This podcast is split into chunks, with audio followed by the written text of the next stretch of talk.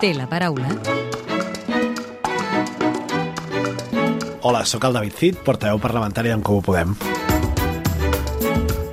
Benvingut al programa L'Hemicicle. Voldria començar preguntant-li pels pressupostos de la Generalitat. Estem acabant l'any i el govern encara no ha aprovat els comptes del 2024 i, per tant, s'hauran de prorrogar els actuals que es van tirar endavant gràcies precisament al suport del seu grup i del PSC.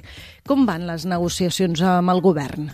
Bé, jo crec que el més calent és l'aigüera. No? Eh, en primer lloc, el govern també sap que nosaltres li hem traslladat que mm, en aquest escenari de sequera, en aquest escenari d'emergència climàtica, hi ha determinats projectes que no poden tirar endavant, com per exemple és el Hard Rock, que cal apostar no? clarament per prioritats centrades en salut, en habitatge, en educació i energies renovables.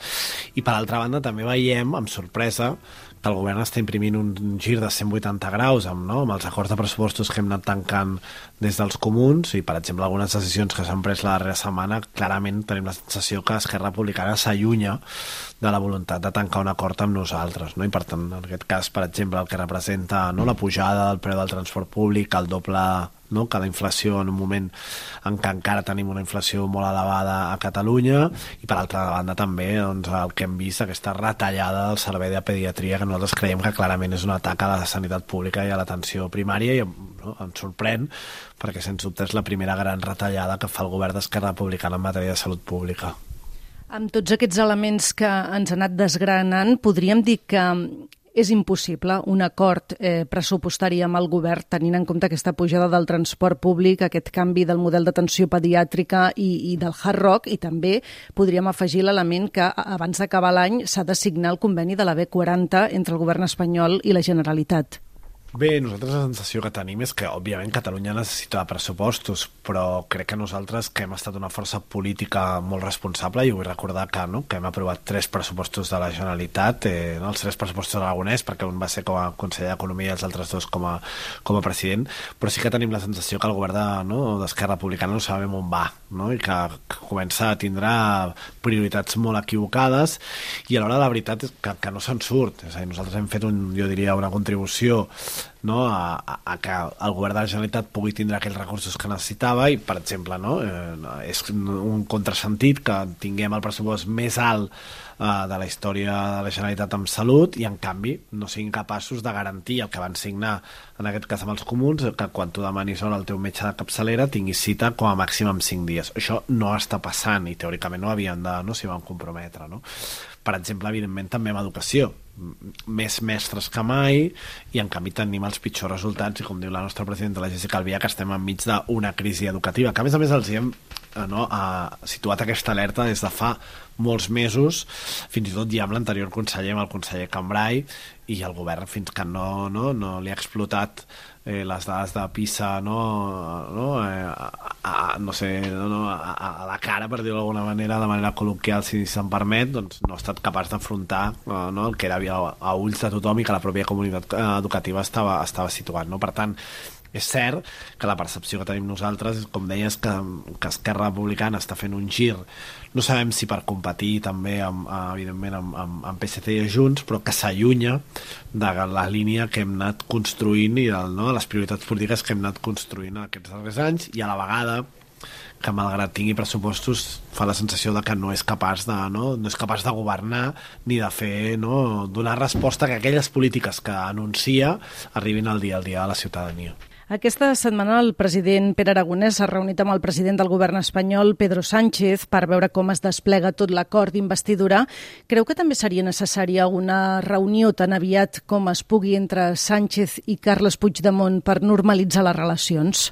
En primer lloc, el que, voldria situar és que a nosaltres ens hagués agradat que abans d'aquesta reunió amb Pedro Sánchez el president aragonès hagués reunit el conjunt de forces polítiques catalanistes, perquè ell ho ha dit no, moltes vegades, ha anunciat que reuniria la taula de partits i no ho ha fet, sobretot perquè evidentment ell és el president de la Generalitat, però crec que tindria més força a l'hora de negociar amb l'Estat, evidentment com es concreta el traspàs de Rodalies, un finançament singular eh, per Catalunya o el reconeixement nacional de Catalunya, si fos capaç primer de vestir un consens que nosaltres li hem reclamat per activa i per passiva a nivell català, i a mi em sorprèn no, que allò fins i tot que va fer el president Torra sigui incapaç de fer-ho el president Aragonès, que és reunir no, com a mínim, no, el conjunt de forces polítiques de, del, del catalanisme, insisteixo, eh, perquè al final és un govern en minoria i no, que, que el president de la Generalitat pogués negociar encara amb més força a nivell, a nivell de l'Estat. No? I sobre les relacions polítiques no, amb, amb, els, amb tots els actors eh, polítics catalans, home, evidentment nosaltres entenem que forma part de la normalitat democràtica. De fet, jo vull recordar i vull posar en valor que en el seu moment la vicepresidenta de, del govern, molt criticada per alguns en el seu moment, doncs evidentment va entendre que no? que Junts per Catalunya i la resta de formacions polítiques doncs, trien lliurement els seus interlocutors i l'interlocutor polític de Junts per Catalunya doncs, és, és Carles Puigdemont i per això doncs, va anar a Brussel·les i es va, es va reunir amb ell i evidentment doncs, crec que això també en algun moment doncs, evidentment també passarà lògicament entre el Partit Socialista i Junts, Junts per Catalunya. Tampoc insisteixo eh, que crec que no em sorprendria gaire perquè també ho veiem aquí, és a dir, a, a, no, a, al Parlament de, de Catalunya les relacions entre Junts per Catalunya i el PSC són, eh, jo diria, a, molt fluides. Eh? A, parlen sovint, acorden sovint eh, i, per tant, eh, crec que s'entenen més, més bé del que volen, del que volen eh, fer creure i més del que a nosaltres ens agradaria, també li dic. Aquests dies hem vist també una guerra oberta entre els jutges i Junts per Catalunya, en concret amb la seva portaveu al Congrés, Míriam Nogueres, que ha qüestionat directament la feina d'alguns magistrats acusant-los de practicar l'ofer. Creu que aquesta tensió pot posar en perill l'aplicació de la llei d'amnistia? Jo crec que al final cadascú no, li, li, té, té la seva responsabilitat i jo que crec precisament en la separació de poders, doncs evidentment el legislatiu és qui ha de legislar i els jutges hauran d'aplicar la llei. A mi també em sorprèn una mica, no, eh, més enllà de les declaracions de la senyora Nogueras, em sorprèn la hipersensibilitat d'alguns jutges davant d'algunes de, declaracions i no davant d'alguns fets. És a dir, jo, per exemple, crec no, que, per exemple, que és evident que hi ha hagut l'ofer eh, no, a, a, a, a Catalunya i a Espanya, de fet l'hem patit nosaltres, no? aquests mateixos dies no, no, hem vist com s'ha arxivat la setzena querella contra Ada Colau i contra Barcelona en Comú eh, no? en els vuit anys que va tindre no? l'alcaldia de Barcelona. I, bueno, crec que em sorprèn no? que, que hi hagi aquesta reacció eh, davant d'unes declaracions i, en canvi, davant d'una estratègia reiterada dels lobbies econòmics i determinats eh, sectors polítics no? i fins i tot que alguns jutges eh, com a mínim diria que s'hi han abonat no hagin sigut capaços d'aixecar la veu i dir que, bueno, que alguna cosa estava passant no? i per tant crec que és evident que hi ha hagut l'ofer no? Eh, no? a Espanya l'hem patit nosaltres eh, els comuns, l'ha patit Podemos eh, i per tant no? crec que és evident que, que ha existit el Consell General del Poder Judicial hem sabut aquesta setmana que no autoritzarà que jutges i magistrats compareguin a les comissions d'investigació del Congrés sobre el cas Pegasus i l'Operació Catalunya. Té sentit mantenir aquestes comissions si no hi poden compareixer els jutges? Bueno, veurem. A mi no, no, no, no crec que sigui, no? És a dir, de fet, els màxims interessats no, en, no? com a qualsevol professió de que s'ha actuat de manera correcta serien els propis jutges i per tant jo no, no veig cap problema en que els jutges puguin compareixer en una comissió i puguin explicar doncs, quina és la seva visió, quina ha estat la seva actuació, vull dir, no, no és un judici, és una comissió d'investigació on el que es vol determinar precisament és si ha existit o no ha existit eh, um, polítiques de l'oferta. De fet, bueno, crec que també per exemple, crec que en aquesta comissió també estaria bé, no? que, que no? Eh, per exemple, que el, el que ha passat a Barcelona o no? el que han patit els comuns amb aquestes 16 querelles també pogués formar part també no? d'aquesta no? investigació sobre l'oferta a Espanya. I per tant jo no veig un problema i crec que una vegada més doncs, el, el Consell del Poder Judicial pretén fer política no? que crec que és una... I a més, vull recordar que, que tenim un Consell de Poder Judicial que està segrestat pel PP, amb el mandat caducat.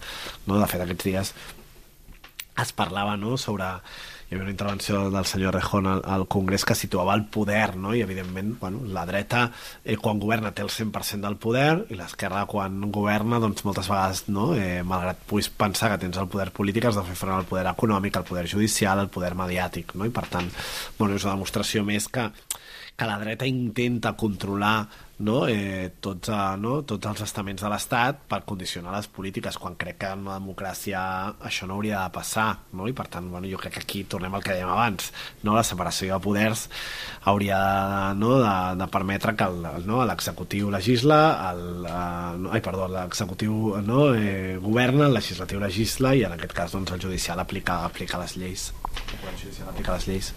Diu que estaria bé que en aquestes comissions d'investigació del Congrés també eh, s'estudiés, s'abordés els casos suposadament del lawfare que vostès consideren que han afectat els comuns a Barcelona i en especial a l'exalcaldessa de la ciutat, Ada Colau. Això vol dir que des dels comuns eh, faran un llistat de compareixents per abordar aquests casos? És a dir, demanaran que se sotmetin a votació, per exemple, la compareixença de la mateixa exalcaldessa? Bé, jo crec que això haurà de ser el grup parlamentari al Congrés. En tot cas, jo crec sí que no, traslladar la reflexió no, que crec que, no, eh, que el, les estratègies de l'oferta de la dreta evidentment han tingut eh, no, de, diferents eh, eh, no, estratègies per condicionar la política a nivell estatal, evidentment ha patit, no? jo crec que és, és evident que, que l'independentisme no? ha patit atacs a l'Aufer, és evident que en el seu moment Podemos va patir també no? atacs a l'Aufer, i jo crec que és evident que el que ha passat a Barcelona, insisteixo, eh, jo crec que hi ha, hi ha pocs, eh, no, en aquest cas, pocs polítics eh, al conjunt de l'Estat que hagin tingut 16 querelles. Si li sembla bé, ens endinsem ara ja en el terreny més personal i li demano si pot contestar amb respostes tan breus com sigui possible. Ens pot dir un defecte i una virtut seva?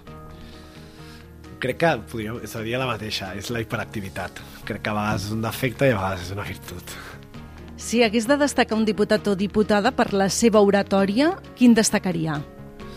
Crec que la, la, avui per avui la, la persona que, fa, que té millor oratòria al Parlament és, és Alicia Romero. Té algun llibre de capçalera? Qualsevol de Stefan Zweig. Els diputats i les diputades creu que cobren molt, poc o el que han de cobrar? Jo crec que cobrem molt. I ja per acabar, completi la frase següent. El que més m'agradaria del món és... Que acabés eh, el genocidi d'Israel sobre Gaza. David Cid, portaveu d'en Comú Podem al Parlament, gràcies per atendre'ns a l'hemicicle de Catalunya Informació i bon Nadal a vostè i a tots els oients. Igualment, bones festes i bon Nadal i bona entrada d'any a tothom. Podeu tornar a escoltar l'hemicicle al web catradio.cat barra hemicicle o al podcast del programa i seguir l'actualitat del Parlament al perfil de Twitter arroba L-hemicicle.